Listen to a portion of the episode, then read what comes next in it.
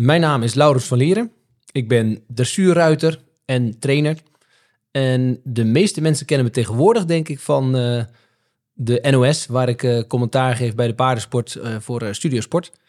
Um, maar vroeger was ik ook succesvol dressuurruiter in de top van Nederland. En heb ik meerdere EK's en ook een WK gereden, wereldbekerfinales. En ja, ik denk als ik de mooiste prestatie moet noemen, of de meest historische prestatie, denk ik dan. Dat was de gouden medaille in 2007 op de Europese kampioenschappen. Waar we met het Nederlands team uh, met Ankie als kopvrouw uiteraard. Uh, de, voor het eerst in de geschiedenis de Duitsers versloegen en het goud mee naar Nederland namen. En dat was ja, fantastisch om bij te zijn en om dat deel uit te maken van dat team.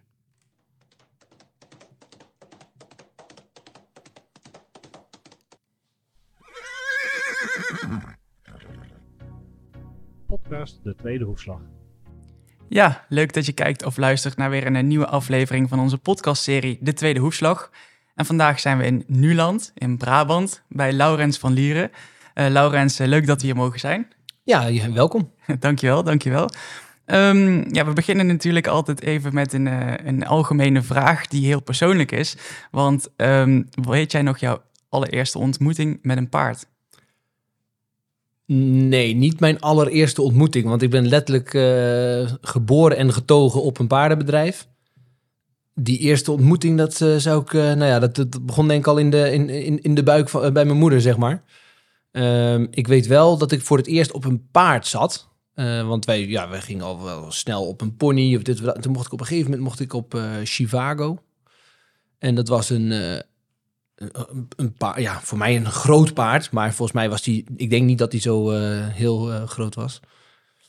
En ehm, die namen ze nog wel aan de longe, maar ik mocht er dan op zitten en dan mocht ik... Maar wat deed de paard? Die deed heel, heel zijn hoofd helemaal naar beneden. Die ging helemaal voorwaarts, neerwaarts, hals trekken. En ik dacht echt, wow, ik heb helemaal niks voor me. Dat is eng. Dat vond ik echt heel eng. Dus dat, dat weet ik nog wel. Dat ik dacht van, shit, dit, uh, ik weet niet of ik dit wel zo chill vind. Maar het was niet eens, maar nooit meer. Nee, nee, nee. nee. Uiteraard, ja, het ik was al besmet met het virus, denk ik. En um, ik heb, we hebben wel een soort van speelse ponytijd gehad. Maar nooit echt uh, serieus wedstrijd. Tenminste, ik heb nooit wedstrijden gereden op een pony. Want ik was ook al vrij snel lang. En ja, toen ik jaar of 12, 13 was, ja, dat, dat kon echt niet meer op een pony. Dus ja, toen heeft mijn vader toch maar besloten om een paard te kopen. Gek gezegd ook te kopen, want we hadden denk ik genoeg paarden staan. Maar mijn vader heeft toen heel bewust een leerpaard gekocht voor mij. En toen vond ik dat leuk en maar soort van normaal. En achteraf denk ik van jeetje, ja, het was ook niet dat mijn vader uh, bulkte van het geld en dacht, hey, ik koop eens even een goed paard. Maar dat heeft hij toch uh, ja, slim gedaan of goed ingeschat, want eh, dat is een, een gouden greep geweest. Ik heb alles gereden met dat paard tot en met de junioren en ZZ Licht heb ik met hem gereden. Maar thuis reed ik alle oefeningen door en uiteindelijk is dat paard ook via Rien van de Schaf trouwens, we hadden het net over, over Rien. Maar is, is die nog verkocht? En, en heeft mijn vader zijn, zijn betaalde, zijn geïnvesteerde geld teruggekregen. En misschien een klein beetje meer. Maar dat was geen, geen winstbejag, zeg maar. Dat was niet, dat was niet de gedachte erachter. Het was gewoon echt een leerpaard voor mij. Ja. En dat heeft me wel aan het paardrijden ge, gekregen. Wat, wat gaaf. Wat heb je daar mazzel mee gehad, inderdaad. Um, je noemt al mijn vader. Um, in wat voor gezin ben jij opgegroeid? Ja, uh, dat, is, wel een, uh, een belangrijk stuk van mijn, van mijn ontwikkeling of van mijn jeugd, denk ik. Uh, ik ben opgegroeid met een moeder en een vader die allebei helemaal gek waren van paarden. Uh, Noem ze even. nou ja, Leunens van Lieren, stal Hexagon. dat kent iedereen tegenwoordig wel. Um, dat was toen nog helemaal niet bekend. Mijn moeder heeft eigenlijk de naam Hexagon bedacht. zij had een, een, een dierenpension, een kennel. Met, en zij fokte ook Duitse herders en daar was ze heel succesvol in. Um, en dat was eigenlijk, uh, ja, de, die, die honden kregen allemaal het achtervoegsel, eh, van Hexagon. Mm -hmm. Hè? Mhm. Dus uh, ik, weet, ik weet geen namen meer, maar in ieder geval. Uh, ja, ja, allemaal hondjes van Hexagon. En mijn vader heeft toen later eigenlijk die naam gebruikt, omdat hij in zes takken van de, van de paardensport actief was. En Hexagon is een, het Griekse woord voor zeshoek. Dus toen dacht hij, hey, dat is eigenlijk wel een hele mooie naam. En die heeft hij toen overgenomen voor de stal. En dat was toen nog lang niet zo bekend, maar uh, dat, is, uh, dat is enorm gegroeid. Eh, maar mijn moeder en mijn vader hadden eigenlijk hun paarden wel een beetje gescheiden van elkaar. Hè. Ze deden natuurlijk wel van alles samen. Maar mijn moeder was echt een, eh, een wandelende encyclopedie als het gaat om fokkerij en bloedlijnen. Eh, ik zeg was, want wat eh, heel ingrijpend was in, in mijn jeugd en eh, tekenend voor, voor ook, ook in, in mijn ontwikkeling, is dat zij op. toen ik nog heel jong was, ik was tien jaar oud, toen heeft zij een klap van een paard gekregen en daardoor is zij overleden. En dat is natuurlijk op dat moment voor mij heel heftig en voor mijn broer heel heftig, maar ook voor mijn vader heel heftig. Dat hij opeens alleen staat met twee jonge kinderen. Ehm, maar gek gezegd heeft mijn vader toen, ja, van alles gezocht om, om, om zeg maar daarmee om te kunnen gaan, om daarmee te dealen. En, en ook, eh, ook eh, onbewandelde paden, een beetje vreemde dingen. Hij ging op een gegeven moment ging hij naar een seminar van Emiel Ratelband. Nou, tegenwoordig kennen we die allemaal. Toen was hij net een beetje opkomend, zeg maar. En hij had al snel door van Emiel Ratelband. Goed verhaal, maar een beetje aparte kerel. En toen is hij gaan zoeken van waar komt dat nou eigenlijk vandaan. Toen is hij naar Amerika terechtgekomen. Toen kwam hij bij Anthony Robbins. En eigenlijk, ehm, ja, het, het was een heel heftige gebeurtenis dat mijn moeder overleed. En als je kijkt naar hoe de, de curve daarna gegaan is van, van de stal van mijn vader en de ontwikkeling van mijn vader en, en misschien ook wel van ons. Ja, dat is een hele bijzondere ontwikkeling geweest. Want vanaf toen is eigenlijk, heeft hij eigenlijk zijn schouders eronder gezegd, gezet en gedacht van nou oké, als het leven dan zo kort is, dan moet je maar gewoon vol overgave doen waar je, waar je goed in bent, doen waar je zin in hebt. Hè. Je, je, je zinnen zetten op dat wat je echt graag wil en ervoor gaan. En dat, eh, dat heeft hij gedaan. Uitlaatklep. Ja, ja, ik- ja, is, ja, ik weet ook niet of, het- of het... Ik bedoel, mijn vader is altijd een harde werker geweest. Het is niet dat hij toen opeens eh, harder ging werken. Maar ehm, hij, heeft, hij heeft wel durven dromen en, en doelen waarmaken. Iets heel geks wa- wat hij altijd al wilde, dat was een kelder bij het huis. En toen Mhm. mijn moeder was overleden, dacht hij van... Ja, maar ja, het leven is te kort. Ik ga een kelder maken. En toen heeft hij eh, een, een kelder achter het huis eh, laten, laten... Of tenminste, ja, dat heeft hij eh, op een heel alternatieve manier gedaan. Maar hij heeft een hele grote kelder waar hij, eh, waar hij zijn ja, boodschappen en weet ik veel wa- wa- wat hij er allemaal bewaart. Maar dat is het is echt een, mega grote ruimte, zeg maar. Dat, dat was een van zijn dromen waarvan hij dacht, dat ga ik dan nu maar doen. En wij hebben er ook wel wat van meegekregen en zo. Wilde ik net vragen. Heb jij dat ook meegekregen inderdaad? ja, nou ja, je had het vooraf had het even over, over het me- mentale, de mental game, zeg maar. Omdat ik dat, ik vind dat een interessant eh, ja, tak van sport. Of dat is iets wat mijn interesse eh, eh, gewekt heeft. Eh, dat begon toen al, want ja, wij kwamen er toen al mee in aanraking. dat, dat, dat mijn vader daar eigenlijk ja, dingen van gebruikte om, om zijn eigen leven naar zijn wensen, hè, naar, zijn, naar zijn hand te zetten. En dan, dan leer je daar dus vertrouwen in te hebben. Hè? Dat je denkt, oh, dat is, dat is niet iets geks, dat is iets goeds. En, en later heb ik dat heel erg ervaren toen ik, eh, toen ik zelf in het Nederlands team kwam. Ik had me ooit, toen we naar een seminar gingen van Anthony Robbins in Londen. Vertel even tussendoor wie dat is. Ja, nou, Anthony Robbins is dus die, die man waar mijn vader mee in aanraking kwam. Eh, eerst Emiel Ratelband. Toen dacht hij van, hé, hey, waar heeft die, eh, die beetje gekke Emiel dat geleerd, wat hij, wa- wat hij vertelt? Want het verhaal, dat klopt wel. Eh, toen kwam hij in Amerika terecht bij Anthony Robbins. Toen heeft hij daar seminars gevolgd. Eh, er was een groot seminar in Londen van die man. En toen zei mijn vader met een heleboel mensen van stal... kom, we gaan daar naartoe. En eh, nou ja, zo gezegd, zo gedaan. Toen hebben we daar een, een seminar gevolgd. Wat hij doet is een personal development ja, strategie of strategieën, technieken die, die hij uitlegt. En een van de dingen die hij daar deed was een goal-setting workshop. En, en dat was voor mij iets dat ik dacht, oké. Maar hij legde dat heel goed uit. Want hij zegt, ja, stel nou, eh, je stelt een doel. Hè? De meeste mensen hebben een beetje, zijn een beetje voorzichtig met doelen stellen. Want ja, eh, het moet een realistisch doel zijn. En eh, wat, hè, faalangst. Want wat nou als je het niet haalt? Hè? Dan, dan is het mislukt. Of, en, hij, en hij legt heel goed uit van ja, maar het, het kan eigenlijk niet mislukken. Want stel nou dat je je doel stelt van ik wil binnen nu en een jaar een miljoen dollar verdienen. Oké, ja, hoe dan, weet je wel. Maar, maar je, je stelt je, je onderbewuste een brein, je, je onderbewuste brein, of je, onderbewuste computer, stel je eigenlijk een vraag. En dat onbewuste brein, dat heeft één eh, eh, sterk punt. Dat is net als Google. Als je iets intoetst, intypt, dan gaat het zoeken totdat het iets gevonden heeft. Het komt met een antwoord. Dus als jij zegt van, eh, goh, eh, alles zit tegen vandaag, dan denk je op brein, oh ja, alles zit tegen. En dan, dan denk je opeens dat alles tegen zit. Dat het weer eh, tegen zit, dat het verkeer tegen zit. Dat, hè, dan, dan, Op Blue Monday. ja, ja, inderdaad. Want dat heb je dan tegen je, je, je onbewuste brein gezegd. En als je zegt van, ik ben op zoek naar eh, de sleutel tot succes of geluk... of ik wil een miljoen dollar gaan verdienen... dan komt je, je brein ook met antwoorden. En dan, moet je, hè, dan zul je natuurlijk eh, slim daarmee om moeten gaan... maar je kan beter intelligente vragen stellen. Dat is eigenlijk wat Anthony Robbins eh, vertelt. Dan, eh, dan leg ik het heel kort uit, maar dat is eigenlijk waar het over gaat. Ja. Intelligente vragen stellen. En ehm, nou ja, goed, als je dan niet je doelstelling haalt... stel je bent een jaar verder en je hebt maar een half miljoen dollar verdiend... ja, dat is, heb je niet je doel gehaald. Maar ben je dan mislukt? Want hey, je hebt wel een half miljoen dollar meer dan vorig jaar. Dus dat, dat was zijn manier van uitleggen. En bij mij klikte dat. Ik denk, ja, daar zit wat in. Want ik wilde eh, het Nederlands team halen. Dat, dat, vond ik een mooie doelstelling. En wat dan heel belangrijk was, dat je daar een specifiek, eh, ja, een specifieke termijn, een soort deadline eh, voor stelde. En ik denk, ik wil in 2006, het was toen 2004, ik wil in 2006 wil ik in het Nederlands team zitten, want dan zijn de wereldkampioenschappen in Aken. En ik had al een keer eerder in Aken gereden bij de jongrijders. En dat vond ik zo'n geweldige ervaring, want het was zo indrukwekkend en zo'n groot stadion. Het leefde daar zo enorm dat ik dacht, ja, dat, dat wil ik meemaken. En eh, nou ja, goed, eh, dat doel gesteld. 2006, Nederlands team. Was het een realistisch doel op dat moment? Nou, ik had wel, eh, ik had zelf heel veel vertrouwen in Hexagons Allright. Die was toen acht jaar oud. En die liep toen ook Grand Prix, eh, vrij jong, op jonge leeftijd eh, liep hij ook Grand Prix.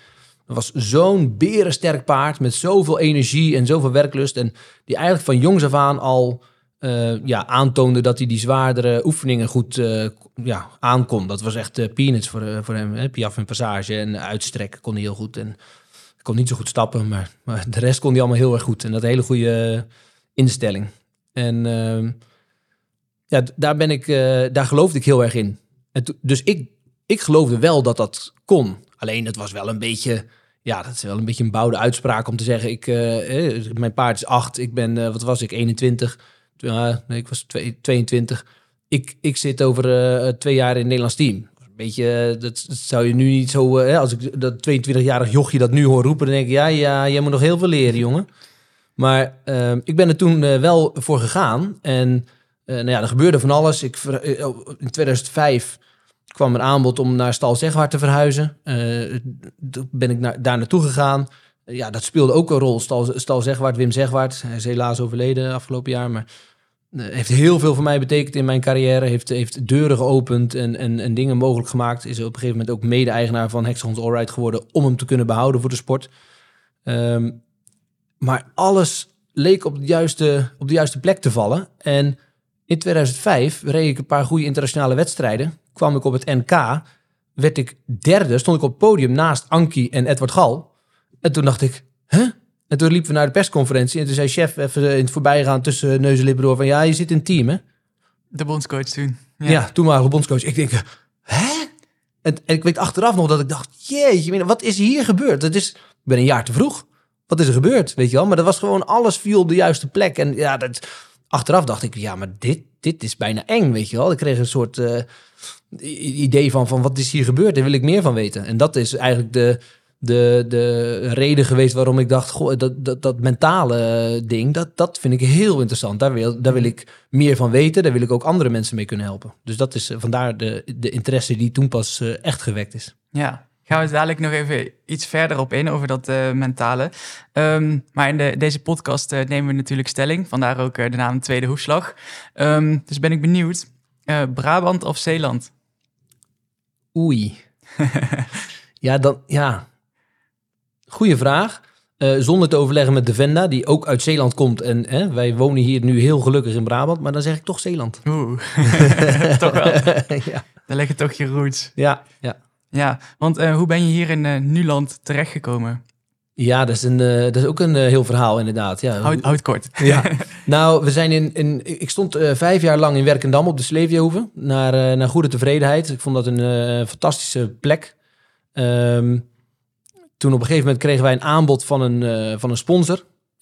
om in Schaik op die stal, hè, daar gingen ze mee samenwerken. Dat werd een groot centrum voor paardensport. En daar konden wij dan eh, onze paarden stallen. En we gingen een, een hele brede samenwerking aan. En wat zij voorstelden, dat paste zo perfect bij al mijn ja, nevenfuncties, noem ik het even. Het ging over workshops geven, clinics geven, eh columns schrijven, dingen presenteren. Het was eigenlijk helemaal ja, op mij op het lijf geschreven. Dus alle randzaken of alle ja, eh, andere dingen naast paardrijden en, en lesgeven. En toen dacht ik, ja, dat, ja, als er nu iemand zou komen met zo'n verhaal, zou ik het weer doen. Dus eh, ik ben daar toen eh, vol overtuiging ingestapt. We zijn naar Schaik verhuisd. Ehm, daar werd verbouwd, er werd flink geïnvesteerd. Toen kwam corona, toen gingen er een heleboel dingen mis. Eh, die sponsor kon niet helemaal waarmaken wat ze, wat ze hadden beloofd. Of in ieder geval, dat, het, liep even niet zo soepel. Misschien ook hè, mede door corona, natuurlijk alle begrip daarvoor. Ehm, en toen zijn we daar eh, uiteindelijk weer weggegaan. Omdat we dachten, ook de, de eigenaren van die stal... Ja, die, die samenwerking die stopte met, met, die, met die sponsor. En dat was gewoon... Ja, die, die, die eigenaar was ook niet helemaal... Die zaten niet helemaal op dezelfde lijn, zeg maar. Qua, qua doelen, qua ambities. En toen dachten wij van nee, maar dan, dan gaan we echt... eh wij gaan hier weg. En toen hadden we toevallig een paard in training van mensen. En die zeiden van ja, ja we hebben net te weinig stallen vrij op het moment. Want uh, zullen ze ook, ook, ze hebben jullie ook een stal?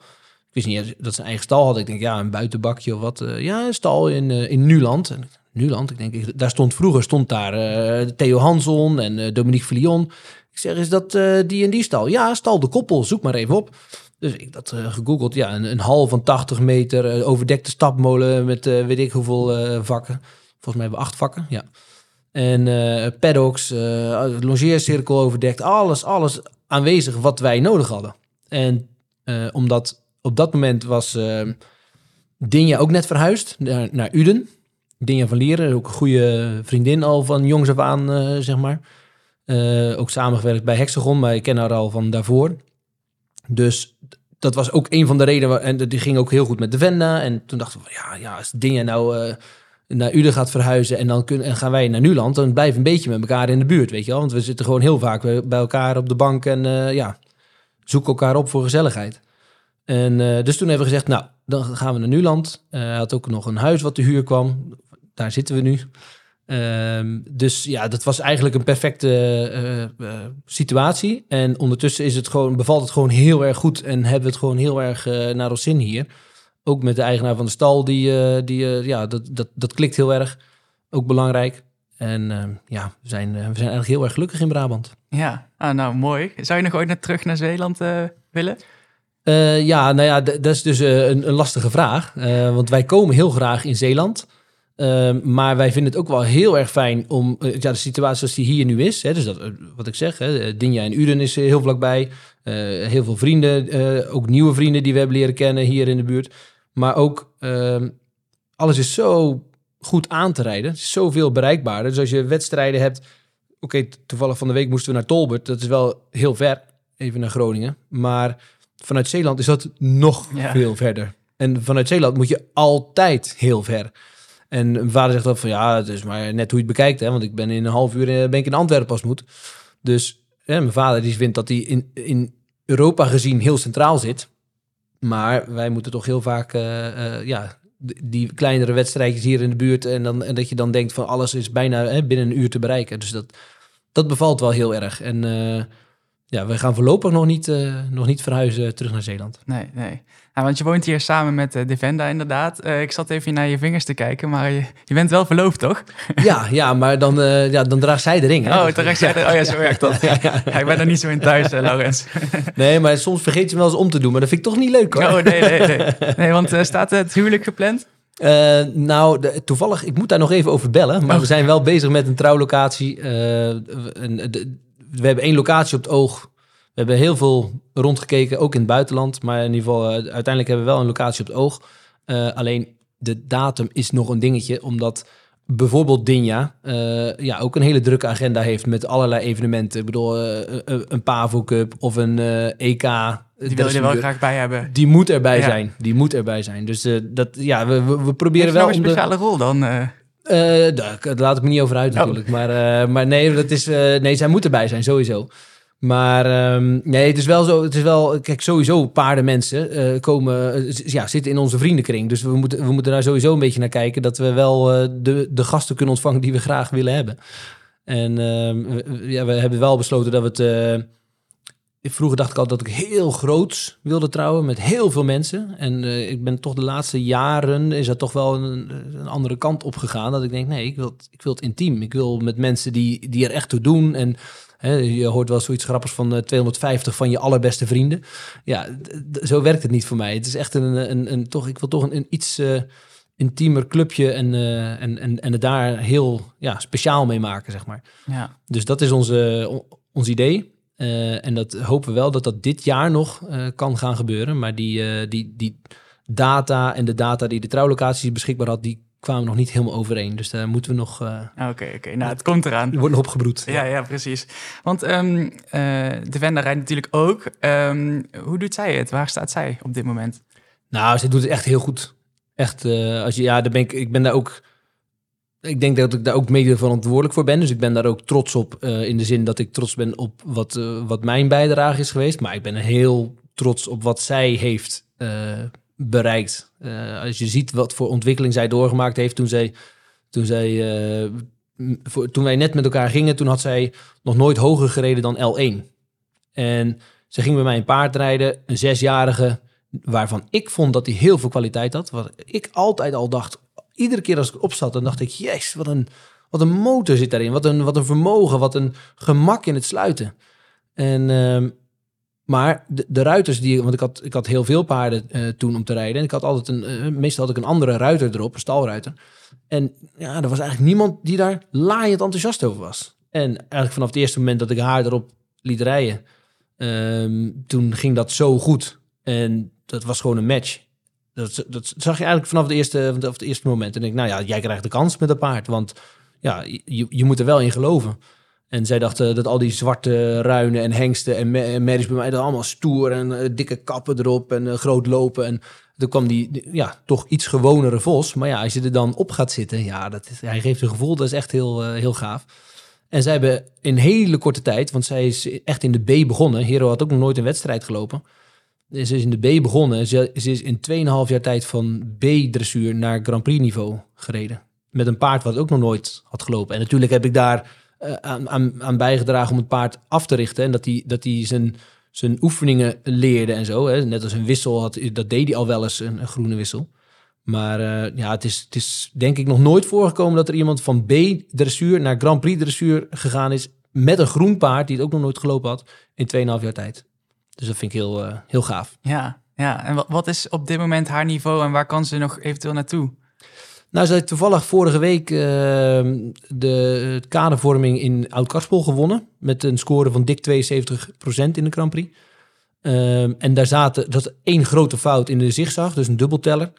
eh, zat daar nog in, wat ze eigenlijk nooit heeft. Eh, dus daar, daar zit zeker, ja, da- dan zit je al bijna op, hè, de- laten we even zeggen, een B-kaderscore van 73%. Ehm, dus dat zit er zeker in. En ik denk dat er nog veel meer in zit. Maar dat heeft gewoon te maken met met haar ontwikkeling, met, met de ontwikkeling van het paard. Het paard is, eh tien, of ja, is net elf geworden dan. Hè. Hij, wordt, hij wordt elf dit jaar. Ehm, liep vanaf zijn negende al Grand Prix, maar was toen, hè, heeft al een EK onder 25 gelopen. Under 25 in, eh, in Hagen. Een speciale ervaring. Hè. Zilveren medaille voor het Nederlands team. Maar toen was hij nog heel groen. Want hij was negen jaar en hij liep net dat niveau. En het was eigenlijk heel knap dat ze altijd zo foutloos door die proeven reed. Eh, dat was knap van Hero, dat was knap van de Wenda. Want de Wenda die worstelde altijd nog met de pirouettes. En die had echt nog, eh, nog heel weinig eh, proefroutine. Überhaupt, want die had nog, nog nooit veel wedstrijden gereden. En, en nu moest het opeens op Grand Prix niveau. Ja, dat is gewoon een dingetje. Mhm. En je ziet nu, zeg maar, dat dat, dat dat wel echt begint te lukken. En dat ze proeven rijdt en, en, en pirouettes draait. En ja, Piaf Passage hoef je bij Hero gewoon niet over na te denken. Want dat doet hij gewoon altijd goed. Ehm, maar dat paard wil ook echt geen fouten maken. Dus ja, het, wordt nu, het begint nu echt heel goed te worden. En, en daar ben ik ook echt heel trots op. Want ja, ik heb, ik heb ook hele goede paarden. Maar altijd als ik ook een keer, eh, als ik nog op Hero zit, zeg maar, dan denk ik altijd van ja, maar dit is wel een heel bijzonder paard. Want hij doet het zo makkelijk allemaal. Ja, zien zien we jou nog terug in de top? Dat is wel de bedoeling. Oh ja, ja? ja, ja. Met, heb je een paard op het oog? Ja, Ehm, ja, dat is, eh dat is eh, Jarpoer. Dat is een achtjarige ruin. Eh, die hebben de premium kijkers al even kunnen zien. Ja, in de video. Ja, dus ehm, nee, dat is, dat is een heel bijzonder paard waar ik ja, veel verwachting van heb. Maar is nog jong. Moet echt nog wel... oh, acht jaar zeg ik, hij wordt negen. Mhm. Ehm, hij moet zijn eerste wedstrijd op licht toerniveau moet nog lopen. Eh, ik heb wel ZZ licht, licht gestart met hem en toen had hij echt eh 73 en 74 procent. Dus het is echt een heel elegante verschijning met, met, eh, met eigenlijk kwaliteit in alle drie zijn gangen. Ehm, ja, ik denk dat, eh, dat, dat dat hem eh, moet worden. Ik denk dat dat het beste paard is wat ik tot nu toe eh, onder het zadel heb gehad. En dan is het aan mij om dat eh, in goede banen te leiden en op te leiden. Ja, je hebt straks eh, natuurlijk gezegd dat je dan hebt geleerd om doelen te stellen. Wat heb je gesteld voor doel? Ehm, nou ja, goh. ja, dat, dat vind ik nou een, een, eh, een strikvraag. Ja, want natuurlijk. eh, ik voel mezelf nog niet helemaal comfortabel bij het uitspreken van het doel. Maar ik, heb, ik denk dat dat, ehm, dat paard wel de kwaliteiten heeft om eh, Olympische Spelen te halen. En als ik dan naar mezelf kijk en mijn eigen ambities, dan moet dat eigenlijk maar de, Olympische Spelen van volgend jaar zijn. Je bedoelt Parijs? Ja, Oké. Parijs lijkt me een mooi doel. Dat is dichtbij. Eh, Ja, in afstand. in afstand en in tijd. Nee, ja, dat is, ja, dat, en dat is heel. Dat is, ik vind dat een beetje een. een eh, het is eigenlijk iets te korte termijn om, om zo'n doel te stellen. Maar ehm, ik, ik denk niet dat het paard nog vijf jaar bij mij blijft. Dus als ik, het, als ik dat paard. als ik met dat paard de topsport wil, wil bedrijven, dan zal dat nu moeten gaan gebeuren. Maar als hij nog nooit een lichte toerproef verlopen heeft, dan is het natuurlijk een beetje een, eh, een voorbarige uitspraak om over Olympische Spelen te praten. Ja, en je, want je doet natuurlijk ook werk voor de NOS. Dan doe je commentaren en dan vertel je er allemaal dingen bij. Maar er staat niet in jouw contract daar van... hey, je mag niet zelf daaraan mee gaan doen. Nee, eh. nee, het staat er allemaal niet in. Ik heb eh, wat dat betreft een, een freelance overeenkomst. En nee, dat, eh, dat moeten ze maar even iemand anders zoeken. Hoor. ja, ja, precies, precies. Oké, nou ja, interessant. Het is dus niet dat de Venda do- voorgaat eh, op dit moment eh, in de... Nou, nee, niet voorgaat. Ja, ik denk dat zij wel. ik, ik heb ook twee paarden op Grand Prix niveau en eentje die eraan komt, die echt heel, heel, heel veel kwaliteit hebben. Ehm, dus daar wil ik ook zeker nog, nog wat mee laten zien. Ik denk zelfs ook dat die. Ja, ik, ik denk zelfs dat die ook. eh, die, ik heb één zwarte hengst, een eh, Vivaldi Maal Gribaldi, Dutch Design. Eh, ja, die, ik denk dat dat paard ook dik 70 en ook 73 en misschien ook wel 75% kan lopen in de Grand Prix. Dat denk ik wel. Ehm, dus dat moet ook gaan gebeuren dit jaar. Lijkt me dan een, goede, een goede opstap. Ehm, maar het is niet zo dat de Ven daarvoor gaat of ik voor gaat. We, we doen gewoon samen ons ding. En, en ja, we hebben het heel erg naar ons zin. En kijk, het is ook zo, wij zijn geen... ehm, ik vergelijk het als met de voetbalclub. Eh, Bayern München die houdt de beste spelers aan ja, totdat ze uit contract lopen of totdat ze met pensioen gaan. Hè. Arjen Robben die ging eh, met pensioen of eh, stopte met voetballen bij Bayern München. Frank Ribéry, fantastische voetballer. Dat is, dat is eigenlijk is dat kapitaalsvernietiging. Want al die spelers vertegenwoordigen een bepaalde waarde. Ja. En ieder paard eindigt qua waarde uiteindelijk op nul. En, en het is niet iedereen gegeven om, om, om die toppaarden maar te houden totdat ze nul waard zijn. En dat is, dat is ook wel iets wat ik van huis uit eh, meegekregen heb. Ik bedoel, mijn vader heeft ook een groot bedrijf en, en, en runt dat ook eh, op die manier. Eh, ik kijk even naar een voetbalclub als Ajax, die ook af en toe de beste spelers verkoopt. Dus die sportieve ambities moeten, hè, moet je een beetje balanceren met, met, met de financiële of economische ambities. En dat, ja, dat, is, dat is vaak lastig. Ja, we gaan het zo meteen natuurlijk over dat eh, mentale aspect hebben. Maar je begon er zelf al even over, dus ik gooi hem er toch even in. Ehm, voetbal of paardrijden? Nee, ja, vroeger had ik absoluut voetbal gezegd. Eh, tegenwoordig zeg ik eh, paardrijden, want ja, dat is wel echt mijn lust in mijn leven. Voetbal jezelf nog? Gisteravond nog een potje gevoetbald in de zaal. Oh, in de zaal. Ja, een vriendenteam. Ehm, ja, zou het voor geen goud willen missen. Eh, maar ik moet ook zeggen, ik stapte net van, eh, van een paard af en dan voel ik eh, mijn hamstring een beetje en denk, oh, begint hij nou weer op te spelen, weet je wel? Ja, dat, het is wel, het is wel ook, een, ook een risico natuurlijk. Maar ehm, ja, dat is, het is, ik vind het heerlijk om te doen. En het, het biertje met vrienden achteraf is ook ja, goud waard. Wat voor voetballer ben jij dan? Een technische voetballer, flamboyant? Nee, ik ben, ik ben absoluut geen balvirtuoos. Ik, ik, Zou je bij het dressuurruiter misschien wel zeggen, of niet? Ja, ja, had, had, nee, ja. Nee, ja, maar eh, dat type dressuurruiter ben ik misschien ook niet. Oh. nee, ik ben toch wel echt een, eh, een, een- een man op het paard. Ik, ik vind ook eh, een, een, een vrouw op het paard vind ik vaak veel eleganter. Veel, hè, als, als, als je de Venda op een van mijn grootste paarden, die, daar zat ze van de week, zat zij daar even op, omdat ik vanaf de, ik had, ik moest, nou, ik had druk lesgeven van alles, verplichtingen. Toen ging zij op dat paard rijden en toen dacht ik, ja, niks te groot voor haar. Weet je wel, het ziet zo mooi uit. Terwijl als ik op een klein paard ga zitten, ja, dat kan echt niet, weet je wel. Dus zij kan alle paarden rijden. En ik kan alleen maar die hele grote rijden, want een klein paard ziet er niet uit. Ja. En, eh, maar goed, ja, qua voetbal, nee, ik ben eh, een, een, een harde werker. Toevallig had ik gisteren een fantastische avond met eh, drie assists en, een- en een doelpunt. Maar, maar normaal gesproken ben ik meer de, de, de waterdrager. Of de, ja, ik probeer wel goede pases te geven, maar ik moet het absoluut niet van een mannetje uitspelen. en en allerlei trucjes en handigheden. Nee, dat niet. Oké. Nou ja, dan dat mentale aspect. Want ik denk dat eh, mensen misschien dat ook wel eh, graag van jou willen horen, omdat jij daarmee bezig bent. Ehm, kun je eens vertellen wat je nu in het dagelijks leven daarin doet? Je bent motivator, speaker. eh, hoe, zeg- hoe leg je dat zelf uit? Ja, nou, ik moet eerlijk zeggen, ik heb een, een hele periode gehad waarin ik echt allerlei dingen deed. Ehm, dus of het nou columns schrijven was of dingen presenteren of inderdaad workshops over eh, mentale wedstrijdvoorbereiding. Of ik deed van al en NOS commentaar geven van alles en nog wat. Ik was directeur sportief bij het CEO Rotterdam. En op een gegeven moment heb ik stap voor stap eigenlijk dingen een beetje afgebouwd. Eh, en ik moet, op, ik moet eigenlijk zeggen dat op dit moment ben ik vooral, en, en echt 90% van de tijd, ben ik gewoon, ja, ruiter slash trainer slash ondernemer. Eh, en doe ik iets minder met dat, eh, met dat mentale eh, aspect. Eh, toevallig is er nu iemand die, die had gevraagd of we misschien een samenwerking aan konden gaan om, om samen wat dingetjes te doen. En dan, ja, dan krijg ik weer ideeën, ja, en kriebels. Denk ik van, ja, weet je, ik vind dat, ik vind dat heel gaaf om mee bezig te zijn. En ik vind het vooral heel gaaf om wat ik zelf heb meegemaakt. Hè, wat ik zei over doelen stellen. En dan dat je achteraf denkt, hè, wat de hel is hier gebeurd? Weet je wel? Hoe kan dat, dat het zo snel is gegaan? Om dat zeg maar bij andere mensen te bereiken. En, en dat, is, dat, dat vind ik wel iets heel moois om te doen. Ehm, en verder gebruik ik het natuurlijk wel in mijn, in mijn eh, vaste klantenkring om mensen te helpen doelen te stellen, daar naartoe te werken en het echt te begeleiden. Maar dan is het echt gericht op paardensport en dan is het, eh, dan is het echt gericht op, eh, op één op één ja, ontwikkelen, zeg maar, en, en ja, vooruitgang boeken. Ja, want wat is jouw boodschap die je altijd wil meegeven daarin? Dat je, dat je meer kan dan je, dan je zelf denkt, vaak. En wat, wat ik altijd zie, is dat je.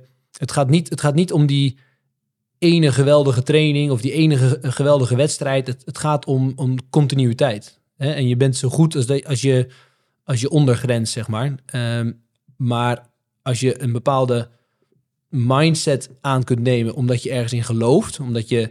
eh, kijk, dat, geloof is ook iets heel aparts, maar dat is trainbaar. En dat is dat mentale aspect. Als je, als je jezelf iedere keer visualiseert eh, in die situatie die je wil bereiken, hè, of dat nou een gouden medaille op de Olympische Spelen is, of gewoon voor het eerst eh stang en trends omdat je zet mag starten, Ehm, of een slipjas als je lichte tour mag starten. Dat zijn van die, van die doelen die je tegenwoordig eh, hebt.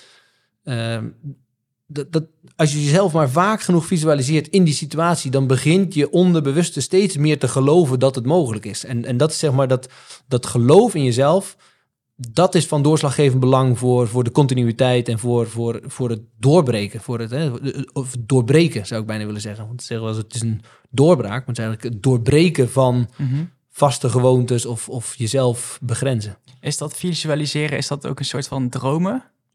Ja, visualiseren klinkt alsof je het... Ja, het is ook jezelf inbeelden, hè, maar Ja. dan gaat het over beelden, over het voor je zien. Imagineren, zegt Louis van Gaal. Imagineren, ja. Ja. Want, ja want, het- maar imagineren heeft nog steeds image. Hè? Het heeft nog steeds het, het, het, het plaatje. Maar Ja. het is niet alleen het plaatje, want het is ook het gevoel. En het is ook, je, moet het echt met, met alle zintuigen moet je eigenlijk proberen die situatie te beleven. Want het is veel meer gevoel dan zien. Dan alleen zien, laat ik zo zeggen. Zien hoort daarbij. Hè? Maar horen, ruiken, voelen hoort er allemaal bij. Omdat het, omdat het, ehm, het complete plaatje moet je eigenlijk zeg ik weer plaatje. Mhm, Je Ja. moet het voelen. ja. En als je het voelt, en is het is hetzelfde bij paardrijden. Ik, denk, ik zeg altijd, ja, je kan, je kan het honderd keer horen, maar totdat je het voelt, heb je het nog steeds niet geleerd. Je leert het, je weet het, je, je snapt het op het moment dat je het voelt. Je kan wel denken, ik lees het in een boekje en ik snap het, maar je snapt het pas als je het voelt. En dat is hetzelfde met, met ja, Olympisch kampioen worden, denk ik. Weet ik zelf ook nog niet, maar je, snapt, je, voelt, je, je snapt het als je het voelt. ja. En welke technieken gebruik je daarin? Ja, visualiseren dus. Eh, dat is denk ik het alle, dat is een van de allerbelangrijkste technieken. Ehm, en en, en her- eh, ja, het herhalen. Dus eh, jezelf nieuwe routines aanleren. Hè, dat je gewoon de- herhaaldelijk, hè, de continuïteit is, is het belangrijkste. Als je, als je één keer naar de sportschool gaat en je kijkt daarna in de spiegel, dan ben je niet opeens gespierd. Eh, en dan kun je, je, kan, je kan denken, nou, nou, volgende week dan ga ik dan ga ik vijf uur naar de sportschool. In één keer gewoon vijf uur trainen en dan zal ik spier... Nee, dan heb je nog steeds geen spierballen. Maar als je iedere dag 20 minuutjes doet, dan na een maand of na... Ik weet niet precies hoe lang het duurt, maar dan krijg je spierballen. Hè? Dus dat, dat is het, hetzelfde met, met succes. Dat, het gaat over continuïteit, iedere dag. En, en jezelf ja, nieuwe gewoontes, nieuwe routines aan, aanleren of bijbrengen. Ehm, ben je bekend met NLP? Ja, dat is een van de technieken die ook een Anthony Robbins of ook een, eh, een eh, Emil Ratelband eh, voorheen, of nog steeds, ja, de- de veel gebruiken. Ja. Want kun je eens uitleggen wat dat is? Ja, dat gaat over uh, neurolinguistisch programmeren. Dat is dan, Heel eh, ingewikkeld. Ja, nou ja, dat gaat over, over neuroverbindingen. Ehm, en, die, en die neuroassociaties in je brein, zeg maar, dat is, dat is eigenlijk, eh, wat je ook met visualiseren doet. Dat je, als je het eenmaal in je hoofd voor je gezien hebt en gevoeld hebt, dan kun, je, kun je dat bruggetje steeds makkelijker maken, zeg maar. De- dus je, moet- je moet eigenlijk stapjes maken. En die stapjes, dat heeft te maken met, met dat, je, ja, dat je de weg al kent... of dat je, dat je vertrouwen hebt in dat je dat kunt. Ehm, en dat neurolinguistisch, dat wil zeggen... Die linguistisch is met, met taal, hè, dus met woorden... eh, dat je jezelf daarmee kunt programmeren. Hè, wat ze eigenlijk zeggen. Eh, het, is, het is een beetje als je, als je in computertaal... eh, je moet je, je eigen programma schrijven. Hè? Dus je kan een default programma blijven draaien, maar dat is wat ja, willekeurig is ingegeven door opvoeding, door, door weet ik veel, eh, school, eh, eh, dingen die je ooit opgepikt hebt, associaties die je zelf gemaakt hebt, onbewust. En het neurolinguistisch, eh, eh, dus NLP, dat, dat wil eigenlijk zeggen, oké, nu ben jij de programmeur en nu moet jij het programma gaan schrijven wat je wil, wil draaien om, eh, om succes te halen of om je doelen te bereiken. Hè, dus dat is eigenlijk eh, in heel simpel uitgelegd wat, eh, wat NLP dan eh, inhoudt. Ja, en toch klinkt het nog best ingewikkeld. Is dat voor iemand die bijvoorbeeld amateurruiter is en heel graag bijvoorbeeld een keer kringkampioen wil worden, ik noem maar wat. Is dat daar ook eh, voor van toepassing? Ja, ja. Ja, is- klinkt natuurlijk heel ingewikkeld, maar het is ook, ik vind ook altijd dat ehm, academici die ervoor gestudeerd hebben, die vinden het ook heel leuk om het ingewikkeld te laten klinken. Want ja, ze hebben niet voor niks zes jaar gestudeerd. Ja. Maar het is, het is in gewone mensentaal wil het gewoon zeggen dat je eh, dat je, je eigen brein, eh, de computer die je, die je hebt, je onderbewust is 30.000 maal eh, krachtiger dan, dan je bewuste brein. Dus dat onderbewuste brein, daar moet je een beetje op, op, op zien ja, op, op zien in te breken of zien dat je dat kan, kan gaan sturen en kan gaan, kan gaan gebruiken. Dat is wat ik zei over een, je onderbewuste een vraag stellen. Ehm, je onbewuste gaat zoeken, komt met een antwoord. Het komt 100% zeker met een antwoord. Dus zorg dat hij iets vraagt, dat je een intelligente vraag stelt. Als je zegt, als je zegt, waarom overkomt mij dit altijd? Nou, dat is geen goede vraag, want jouw brein komt met een antwoord. Omdat je sukkel bent, of omdat je mislukkeling bent, of weet ik wat. Dus je moet heel eh, goed oppassen ja, hoe je tegen jezelf praat. En dat is ook dat, dat neurolinguistisch programmeren. Dat wil eigenlijk zeggen, linguistisch is taal. Hè? Dus welke taal je tegen jezelf gebruikt. En zij zeggen van, of zij, de, hè, de, de NLP zegt, eh, je moet de taal gebruiken die, eh, die nuttig is om je brein te programmeren. Om je onderbewuste zover te brengen dat je dichter bij je doel komt. En als we dat dan vertalen naar het paardrijden, wat, heb je dan bijvoorbeeld bepaalde voorbeelden die je daarin eh, kunt geven?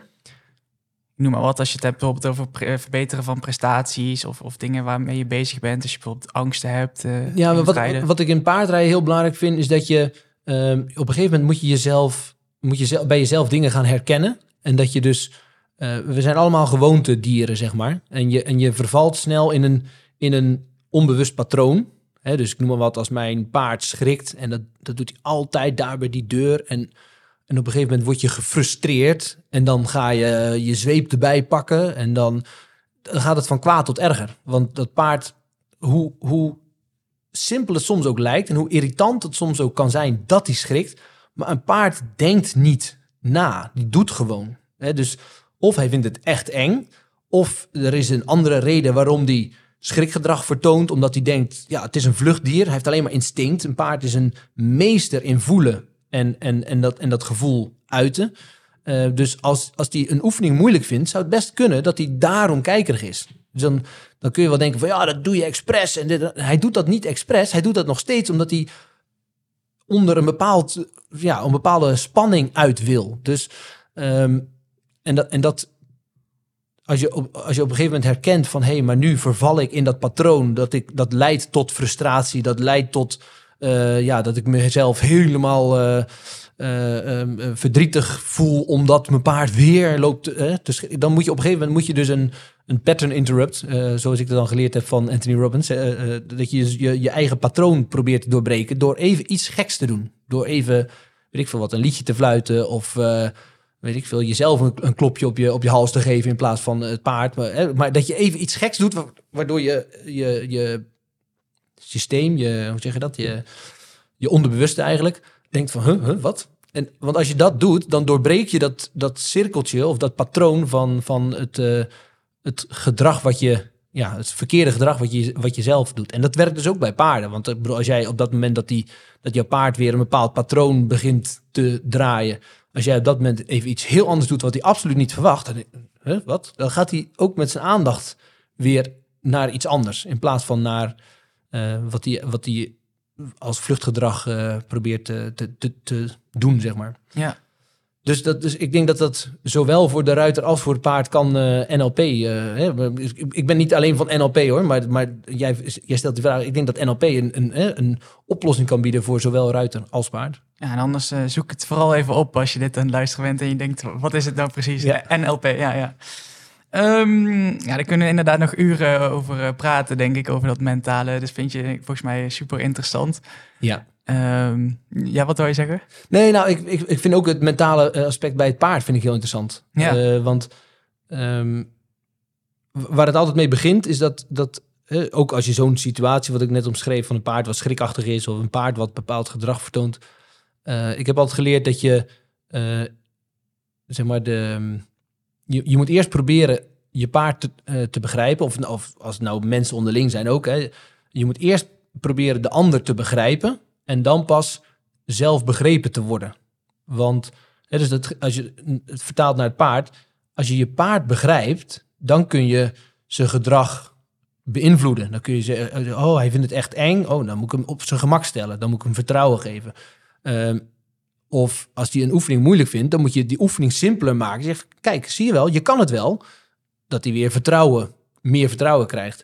Uh, maar ze zeggen wel eens, uh, ze hebben het wel eens over paardenfluisteraars. En dan zeg ik altijd, ja, een paardenfluisteraar kan niet, uh, kan niet per se heel goed fluisteren. Hij kan vooral heel goed luisteren. Want als je heel goed kunt luisteren en je kan je paard goed begrijpen, dan, dan is het ook heel simpel om je paard een klein beetje bij te sturen. En dat is, dat is voor mij uh, Um, ja, zowel bij ruiter als paard vind ik dat een belangrijk aspect. Dat je, dat je zeg maar de, nou, de psychologie of de, de achtergrond kunt begrijpen, zodat je daar je antwoord of je reactie of je, je, je bijsturen op aan kunt passen. Want, want vaak is dat veel effectiever dan, uh, dan ja, de eerste reactie die je uh, vanuit emotie uh, in je opkomt, zeg maar. Want daarin ligt denk ik ook wel jouw kracht, of niet?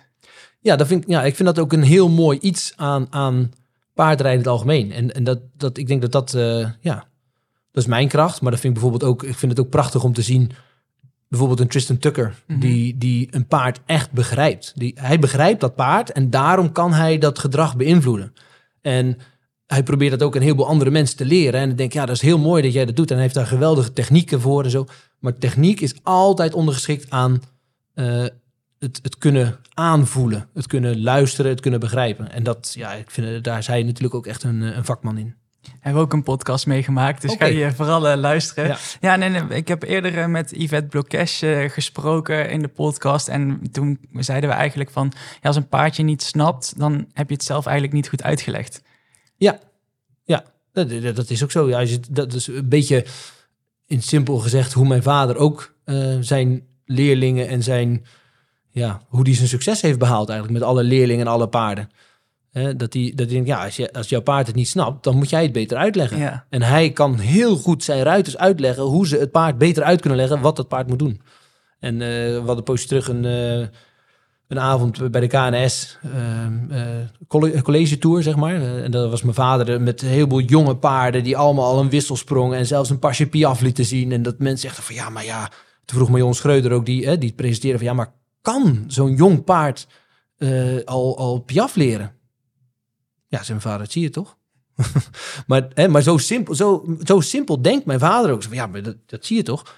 Ja, maar, maar kun je al die training dan doen om dat paard dan te leren piaveren? Vraagt eh, Marion. Want ja, het is nog een jong paard en een skelet en dan moet rijpen. En... Oh, zeg van nee, maar je moet, je moet ze niet moe maken. Je, je moet, ja, maar hoe doe je dat dan? Hoe leer je ze nou piaf? Zonder dat je, zonder dat je het paard moe maakt. Ja, eh zegt mijn vader. Ja, gewoon in één keer goed doen. Ja, ja. Ja, je moet gewoon in één keer goed doen. Dat je het niet tien keer herhaalt. Oh ja, in één keer goed doen. Ja, weet je wel. Maar, dat- maar dat is de, de kracht van mijn vader. En hij doet dan alsof... Hij doet niet alsof, maar hij vertelt het dan heel simpel. Maar het is ook heel simpel als, als, als je mijn vader bent. Want hij legt iemand precies uit wat hij moet doen met zijn zit, met zijn been, met zijn hand. Om dat paard zodanig in balans te brengen dat het pasje piaf helemaal, helemaal niks voorstelt.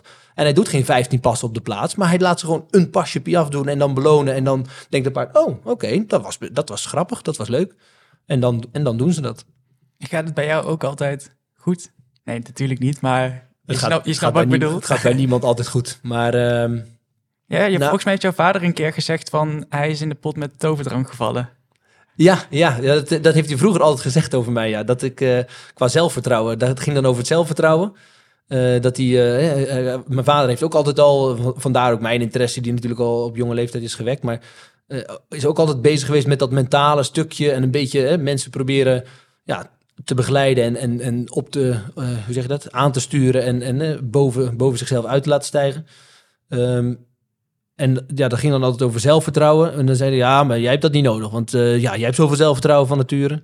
En ik denk dat dat in, in, in mijn jonge jaren zeker zo was. En ik denk dat ik later... ehm, en dat kwam ook omdat ik paardrijden een beetje... Ja, dat was niet de hoofdzaak. Was niet het allerbelangrijkste in mijn leven. Want ik vond voetbal heel belangrijk. En ik vond, eh, eh, weet ik veel, meisjes vond ik heel interessant en belangrijk. En ja, er was zoveel wat ik eh, echt belangrijk vond. En later, toen, naarmate zeg maar die paardensport meer en meer mijn hoofdzaak of hoofdpassie is geworden, ja, dan, dan, dan wordt het opeens belangrijker dat het goed gaat. En dan, dan krijg je wel een beetje meer spanning of meer druk of meer. En dat, ik denk dat dat, ja, dat, dat, dat, dat doet niks met mijn zelfvertrouwen, want ik heb wel het geloof dat ik iets kan. Maar dan, dan ga je toch, eh, dan merk je toch wat andere mensen ook merken. Dat je denkt, oh ja, als het dan moet gebeuren, dan is het opeens wel spannend. En dan moet je opeens wel, dan heb je misschien wel eh, mentale eh, technieken nodig om jezelf in je optimale vorm te kunnen presenteren. Ja, we gaan al richting het eh, einde van de podcast, maar ik wil toch nog een paar dingetjes met je bespreken. Dus eh, we moeten eventjes eh, kort houden. Ja, Ehm, stelling is, ik vind de fokkerij nog altijd heel interessant. absoluut. Ja, het is ook met de paplepel ingegoten. Mijn vader, mijn moeder. Ehm, mijn moeder was echt een wandelende encyclopedie. Heeft heel veel paarden ja, bedacht eigenlijk. die, die nu ook nog bij mijn vader... In de, genen die bij mijn vader nog op stal rondlopen. Eh, mijn vader heeft daar eh, geweldig mee voortborduurd eigenlijk. Ehm voortgeborduurd. Eh, ik zelf ook. Ik heb een... eh, want ik, ik ben bijvoorbeeld... Mijn vader vindt dat wij dat met z'n tweeën of met z'n allen gedaan hebben. Stal Hexagon. Hè. Ik ben Mhm. ook onderdeel van Stal Hexagon. Ik ben ook mede-eigenaar, mede-aandeelhouder. Maar, maar Double Dutch, die heb ik gefokt. Hè. Die is geboren bij, dat is ook grappig, dat weet Van heel... Tamar. Ja, van Ja. Tamer. Ja, die, eh, die is geboren bij eh, de ouders van Renate van Uitert van Vliet tegenwoordig. Maar, maar de familie van Vliet was, eh, ja, daar, daar, daar kwam ik veel over de vloer. En, en Op een gegeven moment reed Renate reed op Ushimanda, de, de, de, de moeder van Double Dutch en de grootmoeder van de KWPN en Skygo. maar toen allemaal nog niet, want Double Dutch was, was nou, niet het eerste, tweede veulentje. Maar die is geboren bij familie van Vliet. Um, dus dat is mijn eerste Grand Prix paard. Vervolgens fok ik met die Mary nog twee Grand Prix paarden. Dus die is, van de eerste vier nakomelingen liepen er drie Grand Prix. En ondertussen zijn daar nog meer vier erbij gekomen. En nog, hè, ze is dan ondertussen grootmoeder van een goedgekeurde hengst. En het is eigenlijk, maar die Mary had ik gekocht um, van een pensioenklant die bij mijn vader uh, ooit een keer een paard gefokt had. Uh, of gekocht had en daarmee gefokt had. En dat was uh, de volle zus van uh, Ushimanda, was, was de volle zus van Roemanda, die wel door mijn vader is gefokt. Maar die Ushimanda was van die pensioenklant bij, van mijn vader. En toen ik voor mezelf begonnen was op een gegeven moment en op een andere stal aan, aan het werk was, toen wilde zij die merrie zadelmak laten maken. heb ik gedaan. Uh, toen heb ik die merrie gekocht, want zij op een gegeven moment uh, wilde zij er niet mee verder. Dus toen heb ik hem gekocht. Want het was Rubikiel. Nou, dat is ook mede bedacht en gefokt door mijn moeder. Maal Matador. Nou, mijn moeder was naar Finland gevlogen om sperma van Matador naar Nederland te halen. Dus al die Matador nakomelingen van die tijd, dat is dankzij mijn moeder die toen dat geïmporteerd heeft. Uh, maal Sultan Maal Doruto. En die Sultan Doruto Merrie, die was door mijn moeder gefokt. En was uh, UTV uh, Merrie. En nou ja, goed, dat was, was een van de meest succesvolle paarden van haar fokkerij. Dus dat was zoveel van mijn moeder dat ik dacht, ja, dit, ja die, die Merrie wil ik hebben, moet ik hebben. Want dat is iets heel speciaals voor mij. En die is dan zo succesvol. En mijn vader heeft die, die heb ik later ingebracht in Hexagon. En is, is daar nog veel meer mee gaan fokken. Fantastische nakomeling uit heel die lijn. Uh, ja, dat is, uh, dat, dat, dat is ook mede, mede dankzij mijn moeder, maar ook mede dankzij mijn uh, fokkerij. Dus ik vind dat, ja, dat heeft absoluut nog mijn passie. Ja, je hebt er wel kijk op. nou ja, dat, dat moet de toekomst nog uitwijzen. Maar de eerste fokproducten waren heel succesvol, ja. Ja. Um, de basisdressuur in uh, Nederland, het basisniveau. Um, we moeten ons minder focussen op het uh, bling bling en meer op het, het rijden zelf. Ja, eens. Ja, want ik ben niet van de bling bling. nou ja, kijk, ik vind een beetje bling bling is natuurlijk niks mis mee. Maar ik vind, ja, het paardrijden, daar gaat het uiteindelijk om. En, en we hebben wel, we hebben wel een verantwoordelijkheid ook naar de toekomst toe. Willen we met z'n allen kunnen paardrijden, dan moeten we vooral, vooral dat basisniveau. Want ik, ben, ik vind het goed dat je dat noemt, benoemt zo nu. Maar het, is, het gaat niet om dat topsportniveau. En daar gebeuren ook dingen die, die, waar we op moeten letten en waar we scherp op moeten zijn. Maar maar op topniveau gaat het al heel erg de goede kant op. En ik denk dat op basisniveau, ja, dat vind, ik, dat vind ik zelf een hele lastige kwestie. Want als je, als het hebt over paardenwelzijn, um, ja, tegenwoordig gaat het ook heel goed hoor, maneges en zo. Maar de mensen die het minste kunde hebben in het paardrijden, die maken het snelst fouten, of niet fouten, maar ik hou niet van het woord fouten, maar die creëren de, de, de, de problemen voor hun, hun paarden, zeg maar. En dat vind ik een heel lastige kwestie. Want hoe zorg je nou dat uh, iedereen vanaf begin af aan op een paard stapt en goed kan paardrijden? Dat is niet mogelijk. Je, je moet ergens kunnen leren paardrijden. En, en, hè, maar dat, dat, is, dat vind ik heel belangrijk. Dat, die, dat dat basisniveau, dat dat, uh, dat dat omhoog gaat. Dus absoluut voor bling bling. Ja, maar hoe krijgen we dat niveau omhoog? Um, door in de breedte met, met betere instructeurs, uh, het niveau van de instructie en, en betere begeleiding. Hè. Dus ik denk dat uh, instructeurs zijn al uh, heel, ja, ja, zijn er al veel van die, die het goed kunnen, die het goed kunnen vertellen, die goed weten waar ze mee bezig zijn. Ik denk dat het allerbelangrijkste is dat, uh, dat er ja, toezicht is. En dat er dus altijd bepaalde waarden en normen bewaakt worden. Dus ook als iemand in zijn vrije tijd uh, gaat rijden, dat er dan geen excessen plaats kunnen vinden, omdat er altijd wel iemand is die, en dat hoeft niet een instructeur of een trainer te zijn, dat kan ook je stalgenootje zijn, maar er moet, er moet een bepaalde sociale controle of, hè, maar om de excessen tegen te gaan. Ik denk dat we over het algemeen zijn we echt wel heel goed met, uh, met de paardsport bezig. En dan denk ik zeker op het gebied van dressuur. Want ik denk dat er in andere takken van sport misschien nog wel meer ehm, eh, winst te behalen valt. Ik denk dat de dressuur is al jarenlang op de goede, op de goede weg. Omdat we een jurysport zijn, omdat we onder een eh, vergrootglas liggen. Omdat die wereld nou eenmaal zo in elkaar zit dat we elkaar allemaal afkraken en vinden dat die het fout doet en die doet goed. En, eh, en ik weet het het allerbeste, want dat denkt iedere dressuurtrainer.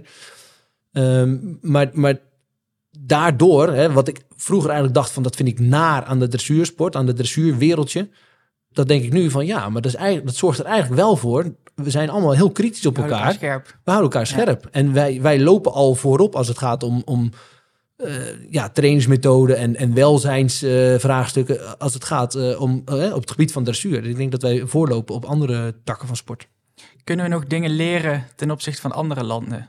Dus als je kijkt naar andere landen, wat wij dan nog beter zouden kunnen doen. Op, op welk gebied? In de in dressuur, dus eh, bijvoorbeeld om de dressuur beter, paardenwelzijn beter, et cetera. Basisniveau beter. Ja, als, nou ja, kijk, eh, ik, ik, ik weet niet precies. ehm, kijk, als, als ja, basisdressuur. Denk, ik denk dat we in Nederland hebben we één groot voordeel. De infrastructuur is gewoon heel erg goed. We zijn allemaal, we zijn een klein landje en op een heel klein gebied eh, gebeurt enorm veel. Duitsland is al veel uitgestrekter. Het is veel lastiger om onder controle te krijgen. Ehm, ik denk ook dat Denemarken daarom zo succesvol is op het moment. Die hebben gewoon een, ook een heel klein landje, wat gewoon heel goed te reguleren en te, en, en, en te, eh, ja, te overzien is, zeg maar. Ehm, ja, wat kunnen we leren? Ja, ik denk dat, dat als je kijkt naar de dressuursport aan zich, hè, gewoon de, de, de prestaties, dat eh, Denemarken, maar ook Amerika, eh, ook Duitsland, die hebben het heel goed voor elkaar als het gaat om eh, ja, toppaarden bij topruiters te houden en te, te, te plaatsen en te houden. En, en dus met qua sponsoring, dan moet ik zeggen, in Nederland komt dat ook. Hè? De- ik bedoel, we hebben al jarenlang eh, de, de, de Glok, eh, eh, het Glok-team, om het zo maar even te zeggen. Je hebt nu, met Marieke van der Putten, met, met RS2 Dressage, die een hele goede sponsor, hè, een hele goede samenwerking hebben, ja, tot op het hoogste niveau. Ik, en bijvoorbeeld Lottie Fry, dat is dan geen, hè, die rijdt dan niet voor Nederland, maar, maar Van Olst Stables is natuurlijk ook een fantastisch succesverhaal. Eh, dus er komen wel steeds meer, hè, ook eh, Stal Hexagon doet het eh, niet onaardig. Dus er komen steeds meer van dat, zulke soort stallen waar continuïteit gewaarborgd is. En, en ik denk dat dat wel een basis is voor, voor, voor de successen in de dressuursport internationaal. Ja. Ik maak me zorgen over de toekomst van de paardensport. Nee. Hm. Nee. Nee, er De meeste men- mensen zeggen in de podcast ja. Ja, nee. Nee, ik denk dat het... eh, kijk, ik, ik begrijp heel goed, hè, er zijn natuurlijk bepaalde sentimenten. Ehm, en, en sentiment is iets heel lastigs. Hè? Zeker in de huidige tijd met, met social media en zo. En er is een bepaalde kleine groep die dan eh, eh, een hele grote mond hebben. Die heel goed kunnen, kunnen roepen en heel goed hun boodschap kunnen verkondigen. En het gevaar is dat zij meer mensen die eigenlijk nog niet echt een mening hebben gevormd of niet echt een, een oordeel hebben, met zich meekrijgen. Ehm, en ik, en ik, zie ook wel dat er eh, een bepaalde afstand komt van, van, van de normale mens, hè, de stedelijke, eh, hè, ik noem maar even stedelingen. Als je in de stad woont, dan heb je minder connectie met de natuur dan als je op het platteland woont en met dieren, hè, gewend bent om met dieren te werken of, of om boerenland, om zo maar te zeggen. Maar ik, ik denk dat, dat ieder mens, hè, er zijn heel veel mensen in de stad met een hond, met een dier. Ieder mens snapt die connectie met een dier wel. En ik denk dat we eh, als paardensport moeten we vooral ons, ons verhaal heel goed vertellen. eh, wat er zo speciaal aan is. Eh, maar wat wij doen, en dan meen ik echt serieus, mijn oprechte mening is echt dat wat ik doe iedere dag met een paard, dat, dat, dat strookt heel erg met wat de eh, FEI eh, de happy athlete noemt. Ehm, wij proberen die paarden gelukkiger te maken. We proberen ze beter te maken. Als ik niet dat idee had, dan, dan, was, ik, dan was ik er al lang mee gestopt, denk ik. Want ik denk dat... ehm, ik had bijvoorbeeld een, eh, een ehm, lesklant van mij, die, had een, die heeft een paard, al, al iets meer op leeftijd. Eh, paard vooral hoor, zij niet. Laat ik dat, eh, laat, laat haar dat niet horen. maar weet je, zij, is- zij is amateur, een ambitieuze amateur. Heeft een heel fijn paard gekocht ooit. Echt helemaal geen duur paard, niks. Maar gewoon toevallig een heel fijn paard gekocht. Heeft daar misschien toch gevoel of oog voor, of weet ik wat. Ehm, die is bij mij komen lessen op een gegeven moment. Eh, Ja, rijdt nu ZZ zwaar, maar ZZ zwaar, ja, dat is wel nog even een niveautje te hoog. Iets, iets te hoog gegrepen voor de combinatie. Dus ze heeft wat intensievere hulp gezocht. Is, is bij mij op stal komen staan. Ehm, en ik zeg, ja, ik zeg maar, dat paard hè, moet nog wat meer gedragen, nog wat meer ja, over de rug, nog wat meer van achter naar voor, schwung, bla bla bla. Ze zegt, ja, ja, maar ja, jij wil echt dat hij al meer, dat hij echt meer van de grond gaat draven. Een beetje zoals jouw paarden. Dus ja, ja, inderdaad. Dat, moet, dat moet hij echt wel even leren. Ja, maar hij is al uh, 14. Hij wordt nu, uh, dit jaar wordt hij 15. Ja, zeg maar, bedoel, je, gaat, je kan dat paard toch geen passage meer leren?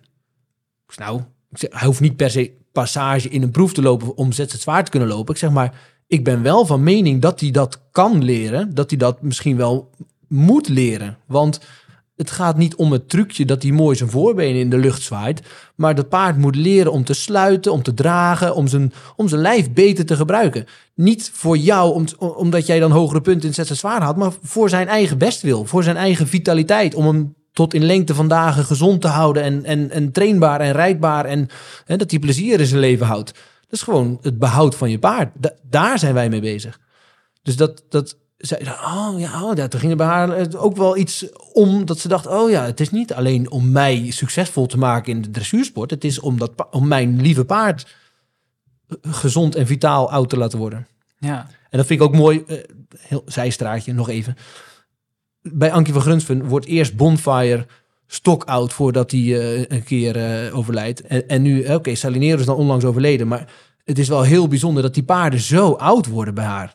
Want dat zijn punt 1 zijn het natuurlijk kerngezonde paarden, anders waren het geen topsportpaarden. Maar ze heeft er ook wel heel goed voor gezorgd. En die zijn wel heel vitaal oud geworden. En zijn tot late leeftijd zijn die nog gereden, onder de zadel gebleven, om ze fit en gezond te houden.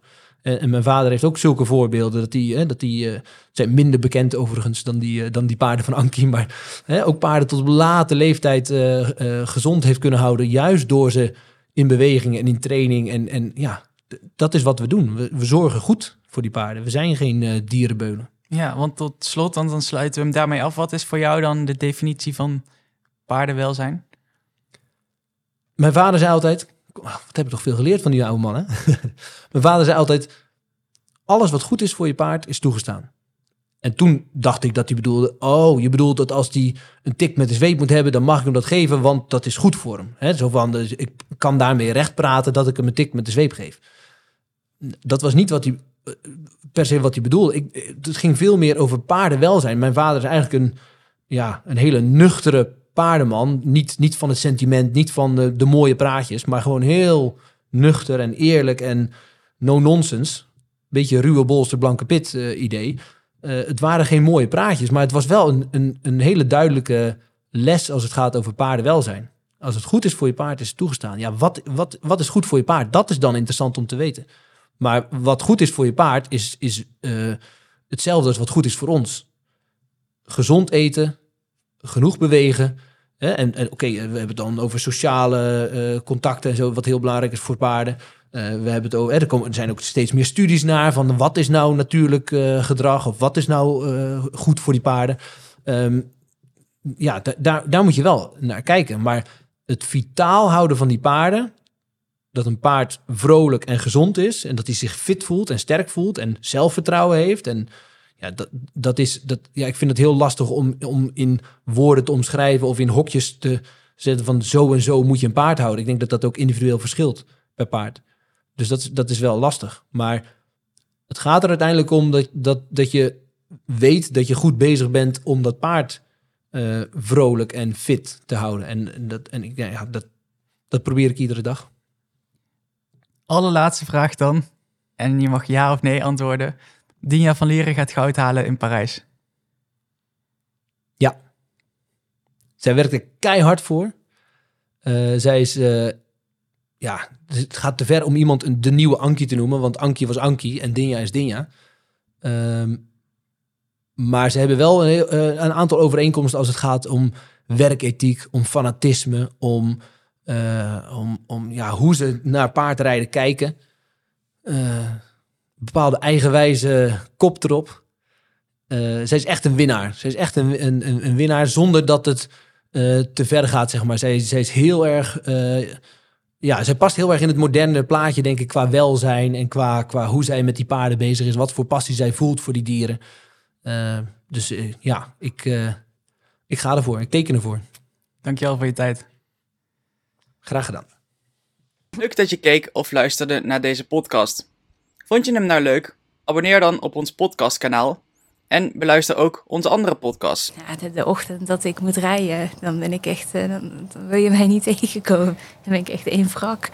Het zegt alleen maar, ik wil naar huis. Waarom doe ik dit? Ik vind het niet leuk. Eigenlijk mijn eerste reactie was nee, dat ga ik echt, echt niet doen. Waarom?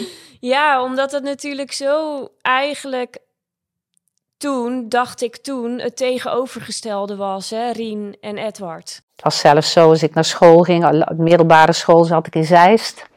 En dan kwam je op maandagmorgen op een gegeven moment op splitsing. En dan rechts was naar Zeist en links naar Utrecht. Dan ging ik naar Utrecht, naar de paardenmarkt. Dus dan spijbelde ik altijd op maandag tot natuurlijk de leraren begonnen te klagen.